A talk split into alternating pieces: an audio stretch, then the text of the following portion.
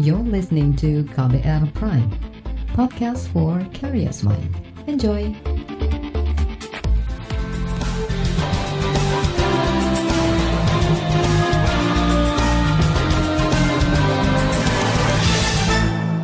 Pukul 16 waktu Indonesia bagian Barat, kembali KBRS siap untuk menjadi teman Anda beraktivitas hari ini. Kurang lebih selama 30 menit ke depan, saya Reski Mesanto akan menemani Anda dan sore ini saya mau ajak Anda untuk membahas naiknya harga komoditas pangan menjelang bulan puasa dan lebaran. Kenaikan ini terjadi hampir di semua jenis komoditas pendukung seperti bawang merah dari harga 35 ribuan per kilogram kini menjadi 41 ribu per kilogram. Kemudian harga cabai merah dan cabai rawit juga naik 2 hingga 3 ribu rupiah per kilogram. Lalu daging sapi yang juga naik 15 hingga 20 ribu rupiah per kilogram dari 140 ribu menjadi 160 ribu. Bahkan, minyak goreng sudah naik sejak akhir tahun lalu, keberadaannya pun sulit didapat dan cenderung langka. Sementara tahu dan tempe menghilang beberapa hari karena mahalnya harga bahan baku utama yakni kedelai. Selain itu, stok gula putih mulai menipis di pasaran. Kondisi ini dikeluhkan sebagian besar masyarakat dan bisa berdampak pada inflasi. Lantas, apa solusi dan langkah pemerintah mengatasi masalah ini? Apakah cukup dengan hanya operasi pasar? Kita bahas selengkapnya sore hari ini di KBR Sore. Saudara, kenaikan harga komoditas pangan jauh sebelum memasuki bulan puasa dianggap tidak wajar oleh Ketua Umum Ikatan Pedagang Pasar Indonesia atau IKAPI, Abdullah Mansuri. Pasalnya, kenaikan komoditas terlalu tinggi dan dikhawatirkan akan terus melonjak jelang lebaran.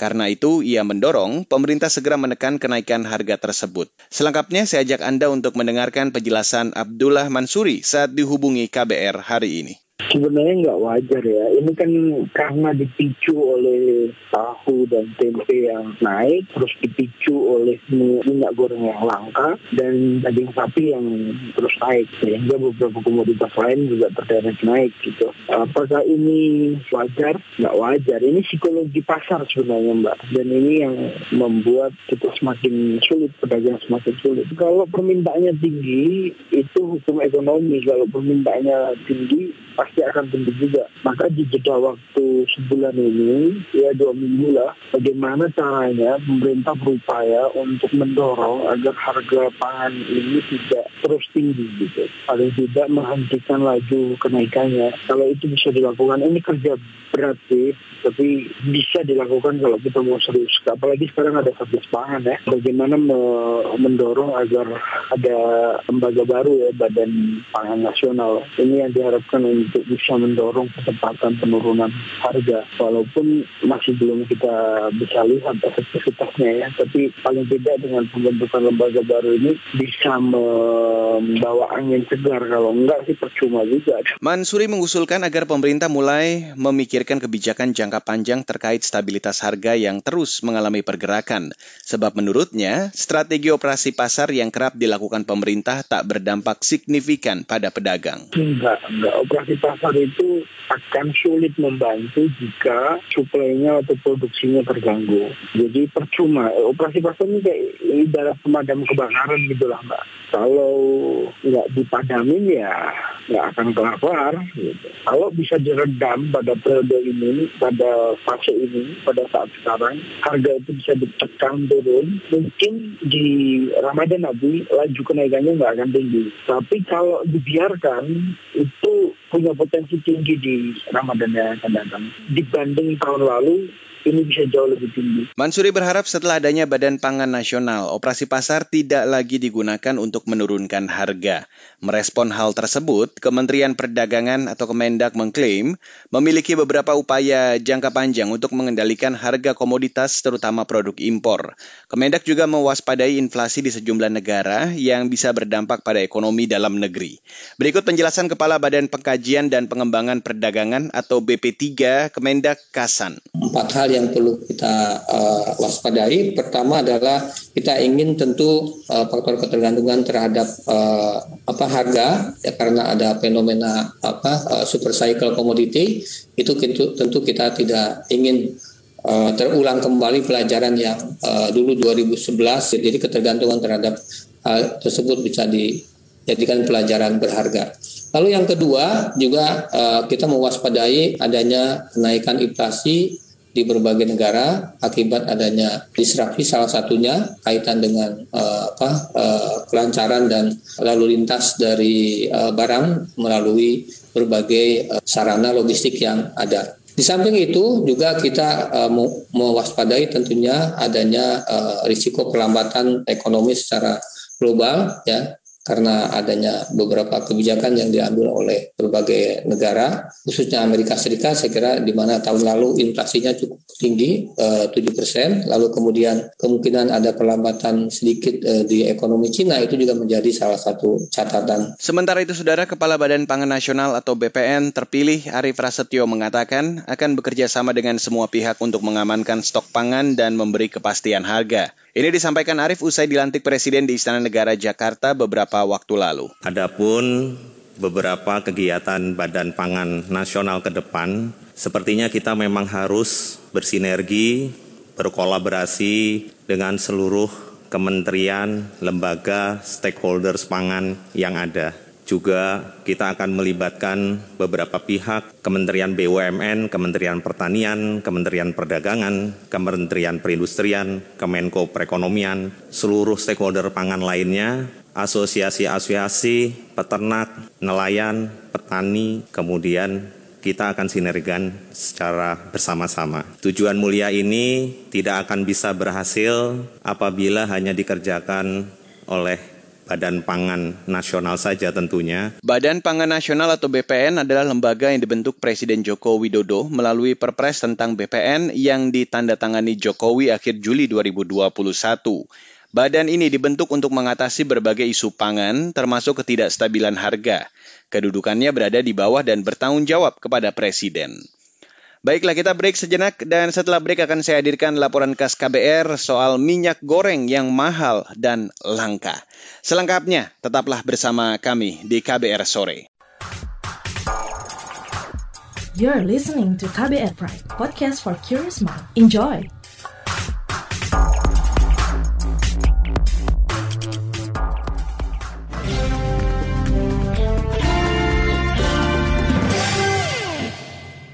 Saudara sejumlah komoditas pangan mulai sulit ditemukan di pasaran, salah satunya minyak goreng. Kelangkaan terjadi di sejumlah daerah sejak minyak goreng mahal dan pemerintah menetapkan harga eceran tertinggi Rp14.000 per liter. Bagaimana upaya pemerintah menjamin ketersediaan minyak goreng untuk masyarakat? Berikut saya hadirkan laporan khas KBR yang disusun jurnalis KBR Heru Haitami yang dibacakan Fitri Anggreni. Pekan lalu, Satuan Tugas Satgas Pangan Mabes Polri menemukan dugaan penimbunan minyak goreng di beberapa daerah. Kepala Satgas Pangan Polri Helmi Santika mengatakan, di Makassar, Sulawesi Selatan ditemukan dugaan penimbunan sebanyak 61 ton. Di Makassar ini sejumlah sekitar 61,18 ton minyak goreng curah ya. Minyak goreng curah ini sumbernya asalnya dari Kalimantan Selatan masuk ke Makassar. Peruntukan minyak goreng curah ini adalah untuk kebutuhan rumah tangga, ya, untuk kebutuhan rumah tangga. Tetapi oleh pelaku ini dialihkan ke industri, ya, dialihkan ke industri. Ini harganya lebih mahal daripada curah tadi.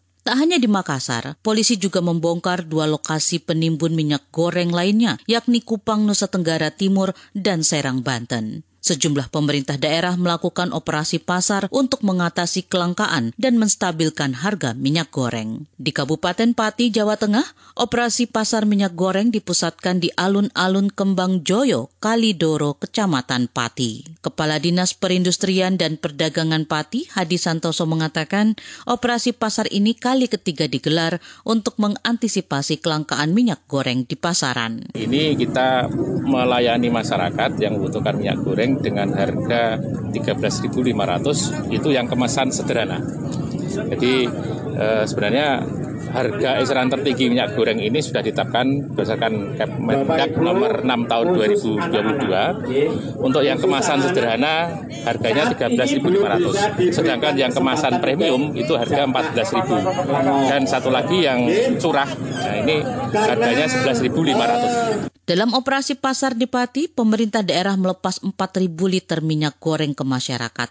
Setiap warga hanya boleh membeli maksimal 2 liter. Kita sebenarnya uh, mengumumkan kemarin untuk masyarakat di sekitar PKL alun-alun Bangjo ini, tapi antusias masyarakat cukup banyak.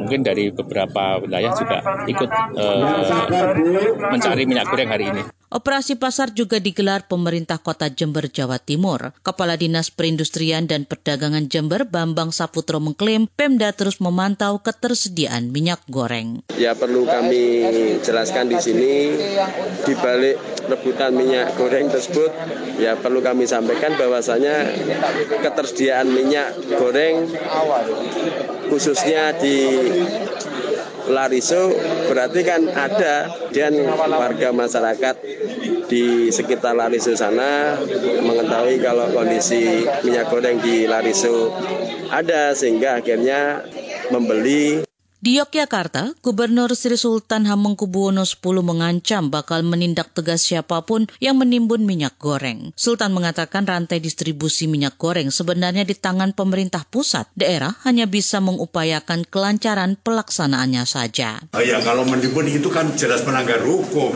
Ya, tangkap aja gitu. Kalau memang itu pidana, nggak usah nggak usah sungkan. Sejak pekan lalu, Menteri Perdagangan Muhammad Lutfi mengklaim terus mengusahakan agar jalur distribusi minyak goreng lancar sehingga bisa cepat diakses masyarakat. Ternyata permasalahan itu bukan hanya di minyak tetapi juga di distribusi di tingkat yang paling rendah. Nah, saya melihat sendiri sekarang permasalahan-permasalahan di lapangan untuk memastikan supaya supply ini jalan. Jadi minyaknya sekarang sudah ada. Sekarang itu kalau orang bilang itu permasalahannya itu adalah di detailnya, di kecil-kecilnya. Nah, ini kecil-kecilnya ini saya akan terobos, saya akan uh, uh, singkirkan semua permasalahan-permasalahan tersebut agar distribusi ini berjalan dengan baik. Saya minta Pak Dirjen Perdagangan Dalam Negeri dan Perdagangan Luar Negeri untuk memastikan semua minyak sampai distribusi berjalan. Saya sudah minta tadi kerjasamanya komitmen daripada repacker ini untuk mengerjakan ini dengan baik. Kita mesti bereskan dan saya berjanji ini akan kita bereskan sebelum hari uh, penghujung minggu ini selesai. Muhammad Lutfi juga mengancam menindak para spekulan yang ingin mencari untung dari penimbunan minyak goreng. Laporan ini disusun Heru Haitami. Saya Fitri Anggreni. Saudara, kenaikan harga komoditas yang cukup signifikan jelang puasa juga mendapat sorotan parlemen. Sebelumnya akan diadakan rapat lintas komisi bersama pemerintah untuk membahas hal tersebut namun batal. Lantas, bagaimana kelanjutan pembahasannya? Informasi selengkapnya akan saya hadirkan sesaat lagi. Tetaplah di KBR Sore. You're listening to KBR Pride, podcast for curious mind. Enjoy!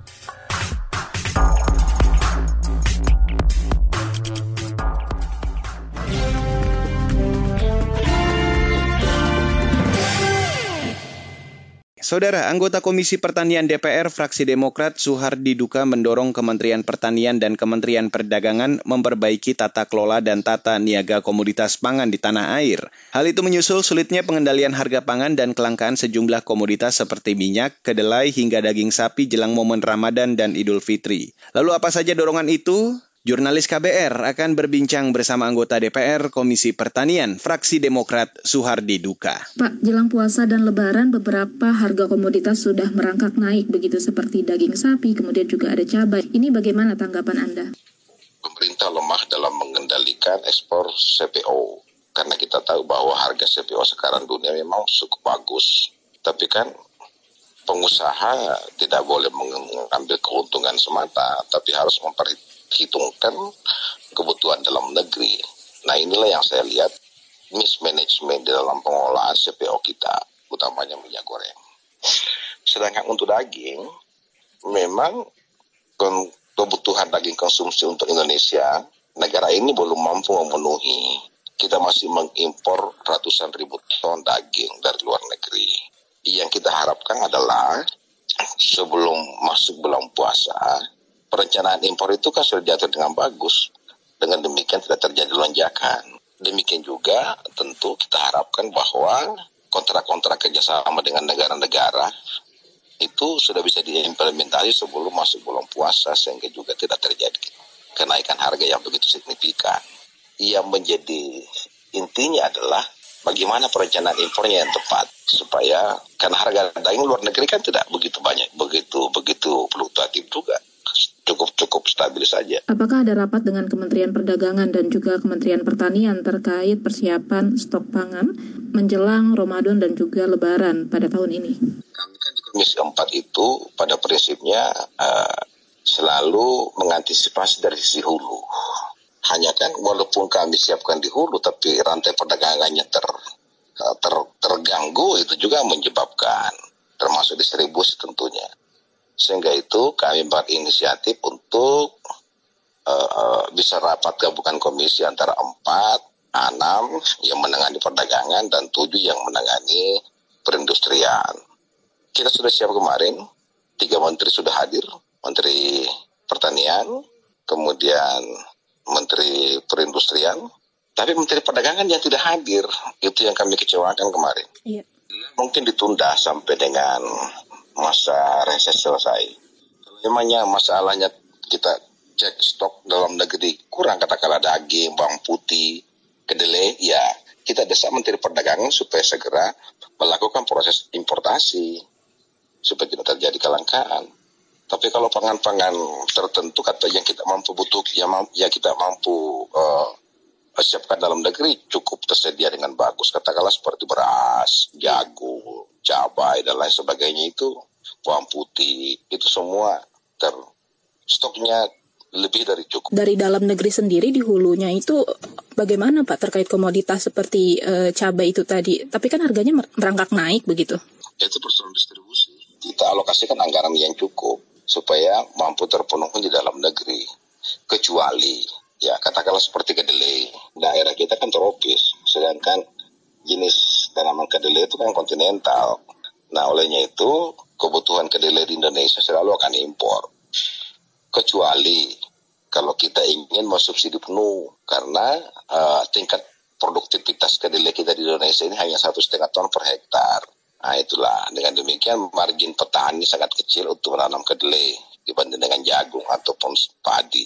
Kalau seperti itu seperti Pak Harto dulu bisa kita penuhi kedelai dalam negeri. Tapi kalau kita mau seperti sekarang melihat uh, uh, langsung memberikan pasar, tidak memproteksi pasarnya, tidak ada yang mau tahan. Operasi pasar kan bukan solusi yang bisa dilakukan terus-menerus. Ada masalah ketergantungan impor dan juga proses impornya itu sendiri. Adakah solusi taktis saat ini, Pak? Operasi pasar tidak bisa Ya, tidak, tidak ada komunikasi yang dikuasai Bulog. Jadi operasi pasar itu paling sporadis. Jadi menurut saya sektor pangan ini tidak bisa kita serahkan sepenuhnya kepada konglomerasi ataupun kepada pasar liberal. Saudara itu tadi anggota DPR Komisi Pertanian fraksi Demokrat Suhardi Duka. Menurut pengamat ekonomi, jika kenaikan harga dan stok pangan tak segera dikendalikan, maka berpotensi menimbulkan kelangkaan. Lalu, apa saran mereka melihat situasi harga komoditas saat ini? Informasi selengkapnya sesaat lagi, tetaplah di KBR Sore. You're listening to KBR Pride, podcast for curious mind. Enjoy!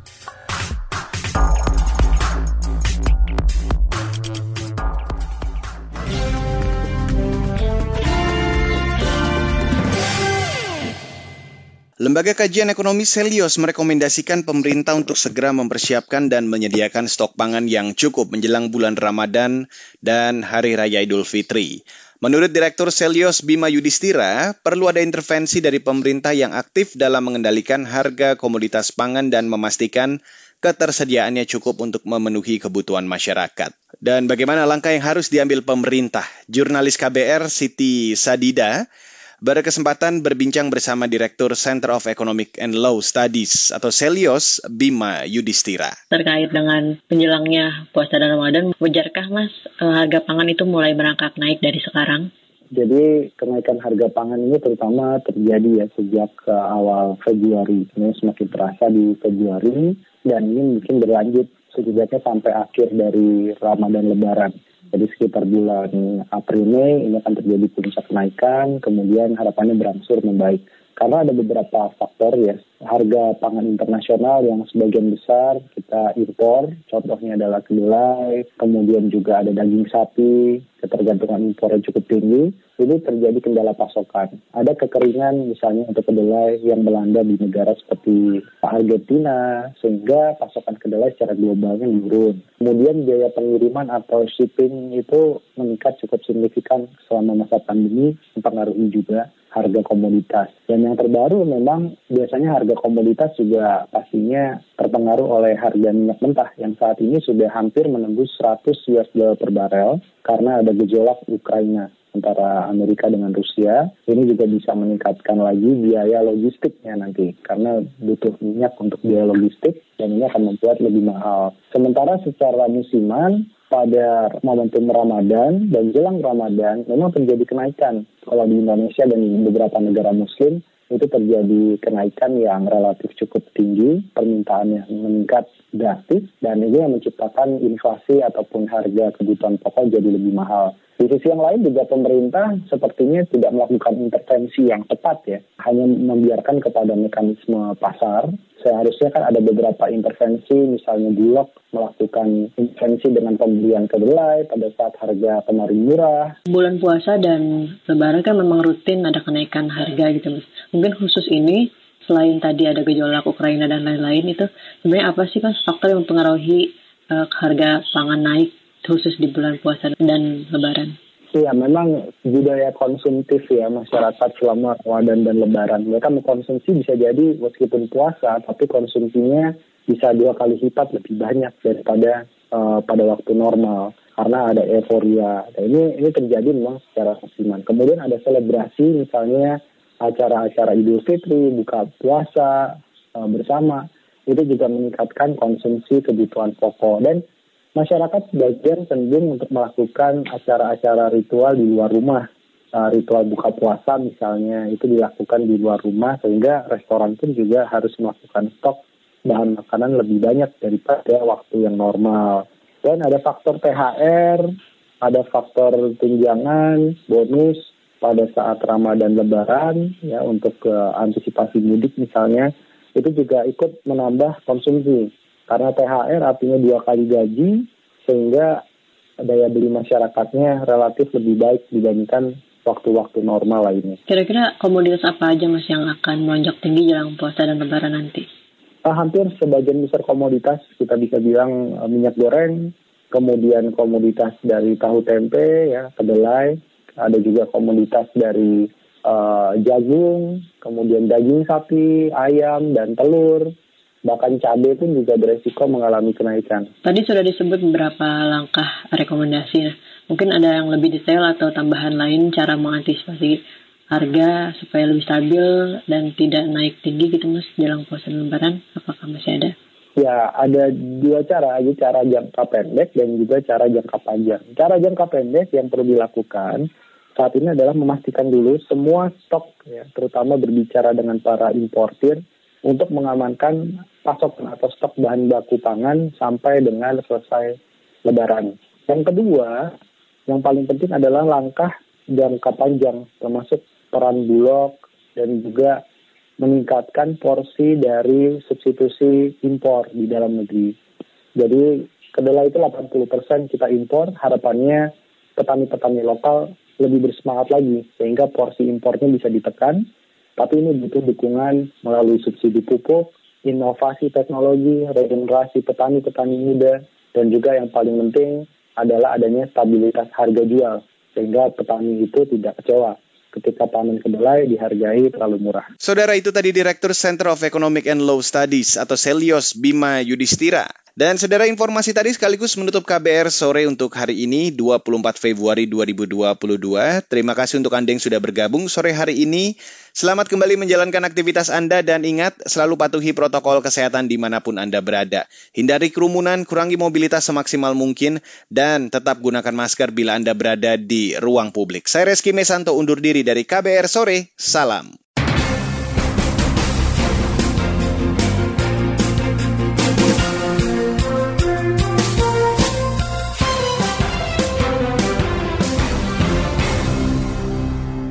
KBR Prime, cara asik mendengar berita. KBR Prime, podcast for curious mind.